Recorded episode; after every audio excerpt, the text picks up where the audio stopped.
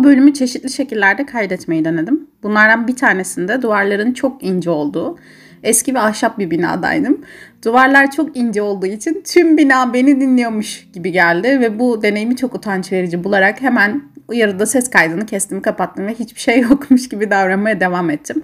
Bunu da ironik buldum sonradan çünkü zaten yaptığım şey en azından hani bir bina kadar insan beni dinlesin amacına hizmet ettiği için çok uyar noktası yok yani birbirine ama demek ki işi yapış şekliniz de önemliymiş işten ziyade. Arkadaşlarımdan bir tanesi bana radyocu diyor ve bu kelimeyi çok komik buluyorum. Yani radyocu oldun, radyocu olduğun sene gibisinden geçiyor laflar hep. Ama bir noktada da doğru sanırım. Hani bu kadar içe dönük bir insan olarak bir o kadar da dışa dönük bir insan olarak ne olduğumu hala bilmiyorum. Dönem dönem değişiyor. Muhtemelen sadece bu tarz bir iş yapabilirdim. Çok fazla göz önünde olmadan. Benim gözlerim 3,5 numara miyop. Ona ek bir de astigmatım var. O yüzden çok bir şeylerin ağzına ağzına girmeden o şeyi seçemiyorum. Tabii ki gözümde gözlük yoksa. Arkadaşlarım bu duruma artık alıştılar. Birlikte bir yerlerde yürüyorsak ya da oturuyorsak çok ilginç bir şey gördüklerinde ya artık hiç göstermiyorlar bana baştan ya da zaten görmeyeceksin ama bak şöyle şöyle bir şey oldu diye bir açıklama girişiminde bulunuyorlar en azından. Mesela geçenlerde yürürken işte Salih Bademci yanımızdan geçmiş ve ben çok severim Salih Bademci'yi. Sonradan fark ettim. Böyle bir mod var yani hani gözümde gözlük yoksa. Gökçen evin yanıyor yansın.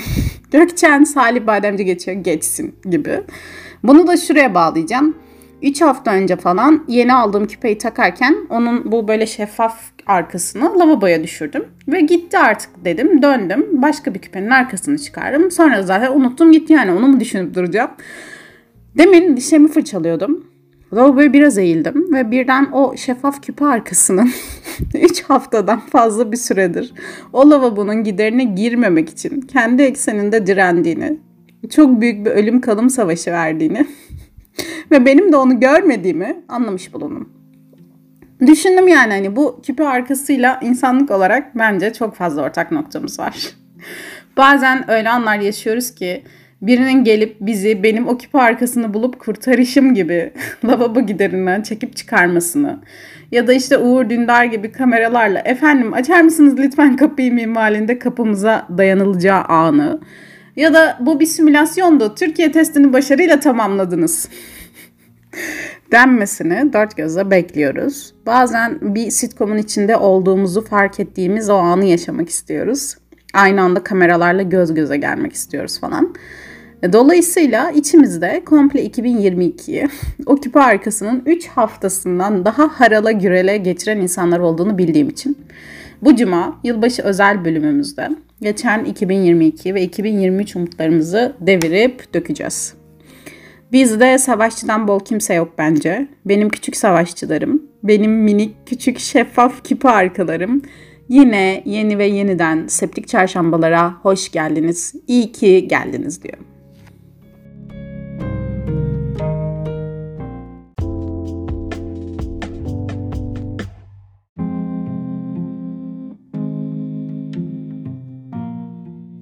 Bence yaşadığımız iniş çıkışlar çok keskin ve çok değişken. Yani hem hepimizin hikayesi birbirinden çok farklı hem de herkesin hayatında araba koltuğunun hala ablanın ya da abinin 16 sene önce senin için karar verdiği tarafında oturmaya devam etmek gibi değişmeyen ve çok evrensel tarafları var.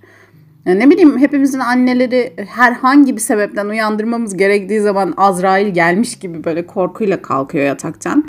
Elleri ilginç bir şekilde yanmıyor. Annelerin böyle bir güncellemesi var ve kesme tahtasına da ihtiyaç duymuyorlar.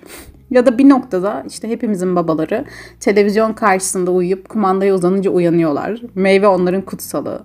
Ya Iğdır'ın merkezinde yaşayan biriyle İzmir'in en batısında oturan başka biri için bile değişmeyen bazı evrensel şeyler tabii ki var. Bunun sağlamasını şöyle yaşadım. Geçenlerde Instagram'da bir 2022 bingosu yaptım. 2022'de işte bu tabloda yazdıklarımın kaçını yaşadınız gibisinden. E, gelen cevaplar ekseriyetle 12'de 6 idi. Yani kimse hiç yaşamadıysa bile en az 6'sını yaşamış. Ki 9-10 gibi cevaplar da vardı bu arada. Yani 9-10'unu aynı yıl içerisinde farklı şekillerde yaşayan farklı insanlar var ve çok alakasız insanlar bunlar. E, demek ki 2022'de aynı hayal kırıklıkları ya da aynı başarıları farklı görünen formlar ve farklı zaman aralıklarında benzer acılar ve mutluluklarla yaşamışız. E, tek ortak noktamız eli yanmayan ve kesme tahtası işlevi gören annelerimiz ya da kumanda ve meyve obsesyonlu babalarımız değilmiş. Ben herkes iyi kötü bir şeyler yaşıyor ya ne dertler var formatında işte böyle yarı züğürt tesellisi, yarı travmatik sayılabilecek cümlelerin hiçbirini sevmiyorum. Ama bence bunu konuşmanın bu duygulardan ziyade ikimiz birden sevinebiliriz gibi bir anlaşıldığını hissettirmek işlevi var. Buna da kıymet veriyorum ve değerli buluyorum. Ben de o bingoda yanılmıyorsam 9 yaptım. Bingo'nun içeriği çok önemli değil ama hayatımızda kemik ya da bel taşı sayılabilecek bütün bu olayları bütün insanlık hepimiz eninde sonunda farklı yaşlar ve farklı zamanlarda farklı varyasyonlarıyla ama bir şekilde yaşıyoruz demek ki. Bazen aynı yıl içinde yaşıyoruz. 2022 benim için çok travmatik, çok acı dolu deneyimlerin olduğu ya da çok üzüldüm, çok ağladım diyebileceğim bir yıl değildi. Çok şükür ki. Çok zor geçtim. Bence zor şeyler bile yaşamadım. Sadece işte kafamın içiyle bir kavgam vardı. Verdim, veremedim ya. Orası çok da önemli değil. Kavgayı kendinle edince SmackDown dövüşü gibi bir galip bir de mağlup bir sonuca ulaşamıyorsun bence bu arada. Ama Gökçen sen bu geçtiğimiz 2022'den çok zoru geçtim. Zor şeyler bile yaşamadım bu 2022'den. Ne öğrendin diye sorduğum zaman kendi kendime verdiğim ilk cevap her şeyin en küçüğü oldu. Küçük harfler, küçük adımlar, küçük tepkiler, küçük sesler. Her şeyin en küçüğü. Çünkü o en küçük. Çok büyük galibiyetler doğurabileceği gibi çok büyük felaketlerden de alıkoyuyor. Bunu hayatının hiç değilse temizinden 20 senesini mükemmeliyetçilikle geçirmiş biri olarak söylüyorum. En küçüğüne razı olmak ya da kendimi en küçük tepkiler ve küçük varoluşlarla sınırlandırmayı öğrenmek çok ama çok zordu. Ve galiba benim en büyük kusurlarımdan biri buydu. O yüzden Nusret'in Messi darlayışı gibi darlaya darlaya kafama vura vura 2022'den bunu öğrendim. Sırayla gideceğim. Öncelikle küçük tepkiler, küçük sesler ve küçük harfleri ele alacağım. Bazı ben terapilere gittim geçmişte. Bunda hiçbir zaman saklamıyorum. Bence bunda ayıp ya da gayip bir şey yok. Delirmekte bile ayıp ya da gayip bir şey olduğunu düşünmüyorum. İşte kitaplar okudum, psikoloji alanında farklı farklı şeyler denedim ve çok güzel şeyler öğrendim tabii ki. Yani etki yarattılar, bazen büyük değişimler başlattılar. Meditasyon, yoga, olumlamalar, hoponopo gibi gerçekten aklınıza gelebilecek birçok şeyi denedim. E, kimi çok okey yaparken çok keyif alıyorsunuz. Kimi de niye yaptım ben şimdi bunu duygusuyla baş başa bırakıyor insana. Ama eninde sonunda e, çok ufak bile olsa faydası oldu bunların. Yani depresyon döneminden çıkış ve giriş de öyledir zaten. Ya ufacık bir motivasyon ya da çok ufak bir tetikleyici gerekir sadece.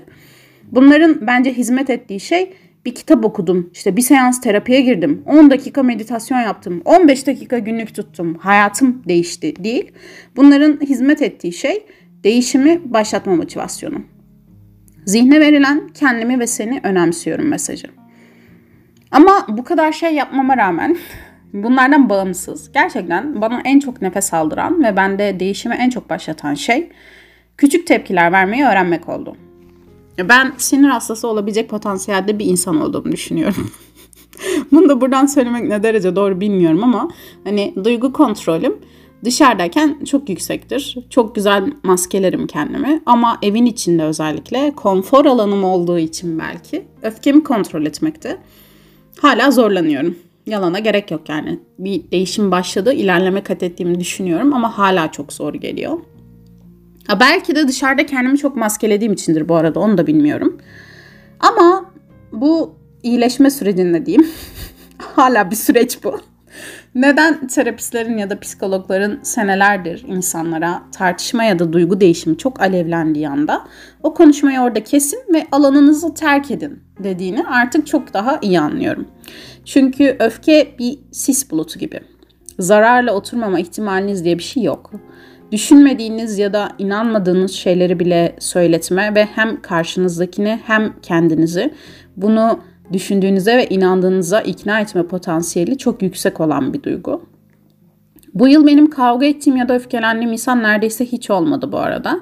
Yani aksine bütün öfkelerimin muhatabı bendim. Dolayısıyla kendimi gerçekten hakkında hiç düşünmediğim, kendim hakkında hiç düşünmediğim ya da inanmadığım şeylere bile e, çok kolay bir şekilde ikna etmiş bulundum. Dolayısıyla zararla oturan da yine ben oldum.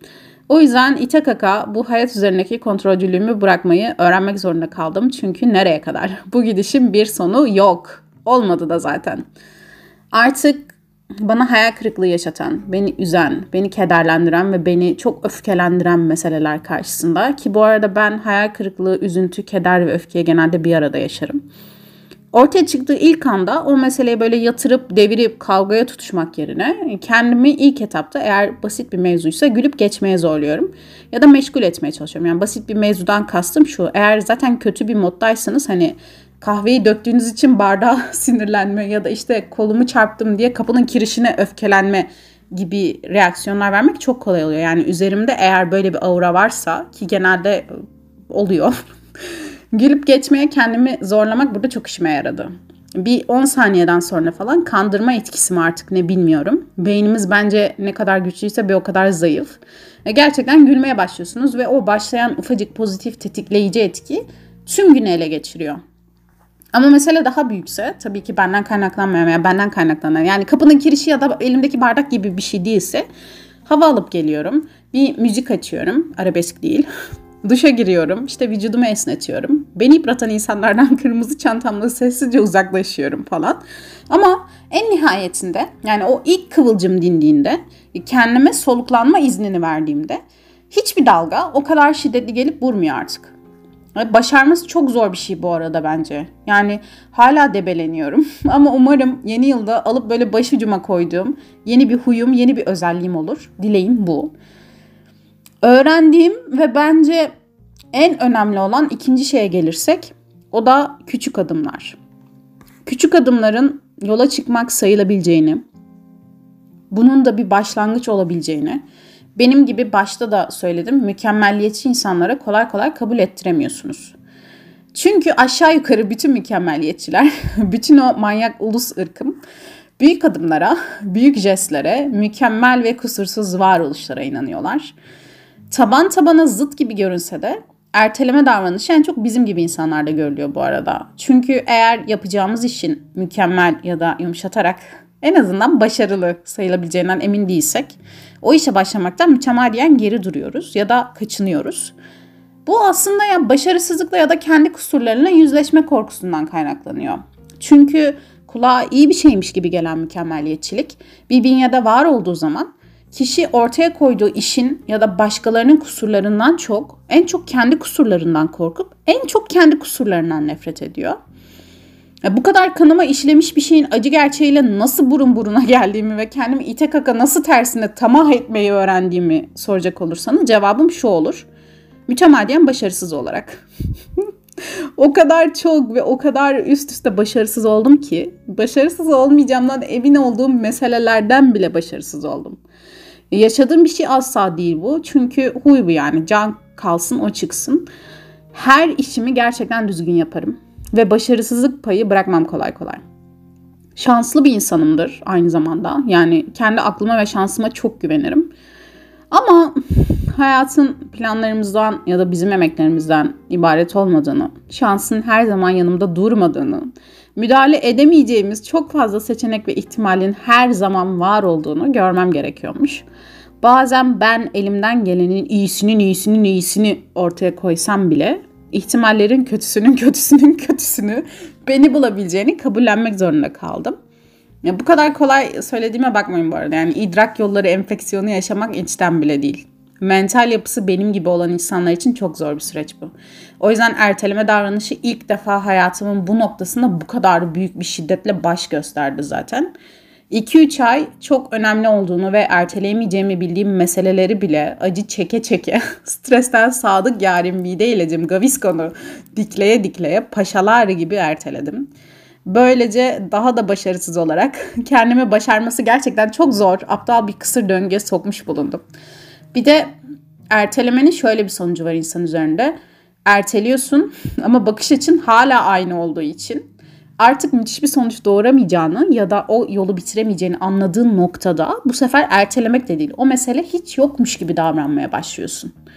Ama sorumluluk böyle bir şey değil. O hep var. Hep aramızda. Ya benim hayatımda hiçbir sorumluluğum yok. Bir tane bile diyebilecek bir kişi bile yoktur. Ya ebeveynler hani çocuk azarlarken genelde ergenlik dönemlerinde derler ya hiçbir sorumluluğun yok sadece ders çalışman gerekiyor falan öyle bir şey yok. Hepimizin ufak tefek sorumlulukları var. Yaş itibariyle ağırlaşıyor, yaş itibariyle azalıyor. Ama o yaşın da ederi o kadar zaten. Adalet ve eşitlik aynı kavramlar değil. O yüzden ben bu sorumluluk dağılımını yaşlara göre eşit olmasa da adaletli buluyorum. İşte o sorumluluklar varken hiçbiri yokmuş gibi davranmak. Bir de yokmuş gibi davranıyorum diye kendini stresten hasta etmek. Bilmiyorum ya normal insan davranışı gibi gelmiyor bana. İşte o noktada şunu öğrendim. Yarattığın ufacık bir nokta, boşluktan, attığın bir adım, hiç adımdan çok daha iyidir. İyi olmama ihtimali yok. Küçücük adımlar kocaman yollar doğuruyor. En iyi günü, en iyi anı, en iyi sonucu beklemek kadar aptal bir şey yok. Başarmak, yaratmak istediğimiz ne varsa hiçbir zaman altın bir tepside, optimum koşullarda, laboratuvar deneyi gibi böyle havasız bir ortamda girdi çıktılarıyla beraber sunulmayacak bize. Nereye gideceğini bilmediğiniz bir yol ayrımında bile ikisinden birine küçücük de olsa bir adım atmak, ayağını kıpırdatmak, ihtimalleri yarıya indirmek demek. Belki sonrasında gelişebilecek 100 milyon olasılığı silmek demek. Dinler tarihi ve tabii ki inançlı insanların bakış açısı çok değişken. Efsaneler de değişiyor. Yani çeşit çeşit anlatılan çeşit çeşit hikaye var. Ama İncil, Tevrat ve Kur'an-ı Kerim'de ortak olarak yazılan ve kabul edilen bir mesele var. O da Musa peygamberin kekemeliği. Musa peygamber tebliğ ile görevlendirilmiş bir insan. Tebliği de başarmış ve bugün hala koca bir devlet olarak varlığını sürdüren inananları olan bir peygamber. Ve tarihi gerçeğe göre kekeme. O yüzden bir sürü borcumuz olabilir hayata dair.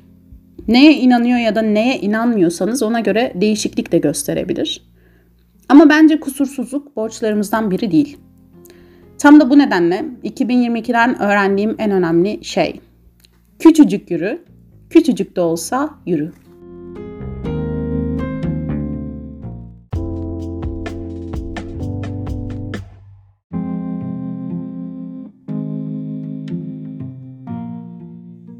2023'e başlarken bir süredir yapmak için yanıp tutuştuğum bir şeyle başlayacağım. güm güm güm.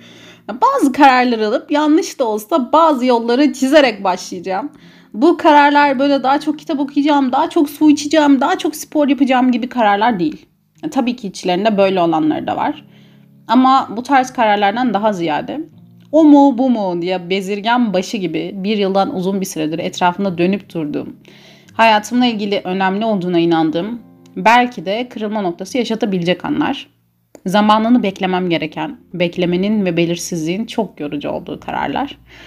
Ama nihayetinde bu çizgiyi kendime çektiğimden beri, bu çizgi yorucu da olsa, yanlış da olsa, eğik de olsa, kırık da, sonunda mutsuz olacağım varsa da, pişmanlık duyacağımdan eminsem de netleşmenin mutluluğunu yaşıyorum. Savaş bitti gibi geliyor. Ki hiçbir zaman bitmeyecek. Yaşamanın nüvesinde var bu. Bütün bu fark ettiklerim, yüzleştiklerim ve değişim yılım, hatta dinlenme ve rahatlayamama yılımdan öğrendiklerim yüzünden kendimle ilgili işte şunu severim, şunu yaparım, şunu yapmam, şundan vazgeçerim, şundan kopamam dediğim ne varsa onlar da değişti. Sevdiğimden emin olduğum, kopamayacağıma yeminler ettiğim onlarca şeyden vazgeçiyorum. Ve İlginç bir şekilde sevdiğimi o kadar da derinden hissetmiyorum artık. Sevemediklerimle de, sevmediklerimle de yüz göz olmuş bir haldeyim. Gerçekten hani bir haritam, navigasyonum, bir kitapçığım olsa da söyleyebilsem keşke. Hani adım Gökçen, 25 yaşındayım. Bunlar benim kullanma kılavuzum. Bunlara uygun davranın yoksa teknik servis aramak zorunda kalabilirsiniz diyebilsem. Ama öyle bir dünya yok. Bu yıl en yakınlarım olduğu için belki, belki artık onları biraz da bu pencereden görmek istediğim için annemle babamı en çok gözlemlediğim yıl oldu. Demin de söyledim ya, yaş değiştikçe ederi kadar sorumluluk ve fedakarlıklar da değişiyor. Onların üzerindeki sorumluluğu ve fedakarlığı fark etmek başta beni çok korkuttu.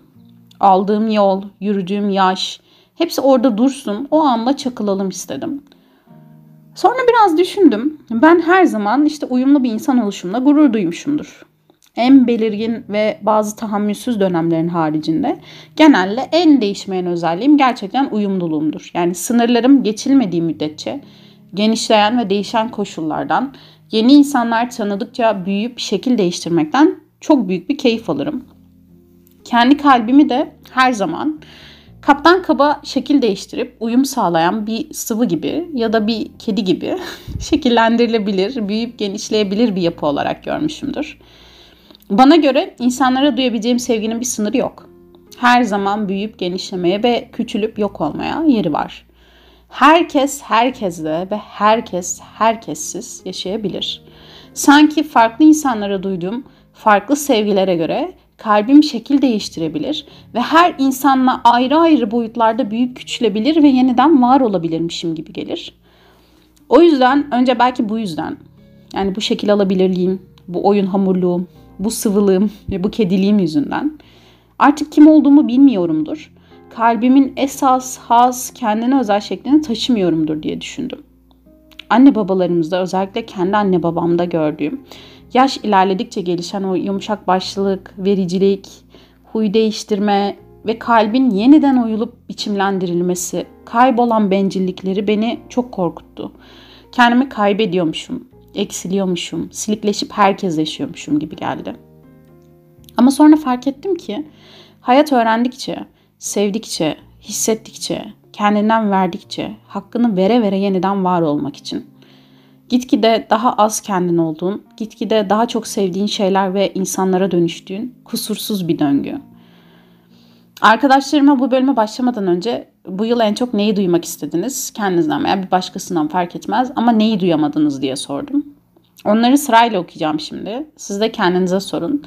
Eminim bir tanesi size dokunacak. Çünkü farklı varyasyonlarda ve zamanlarda var olurken acıda ve neşede birlikteyiz. İşte onlar şunlar. Hepsi bitti. Başrol senin. Her şey düzelecek.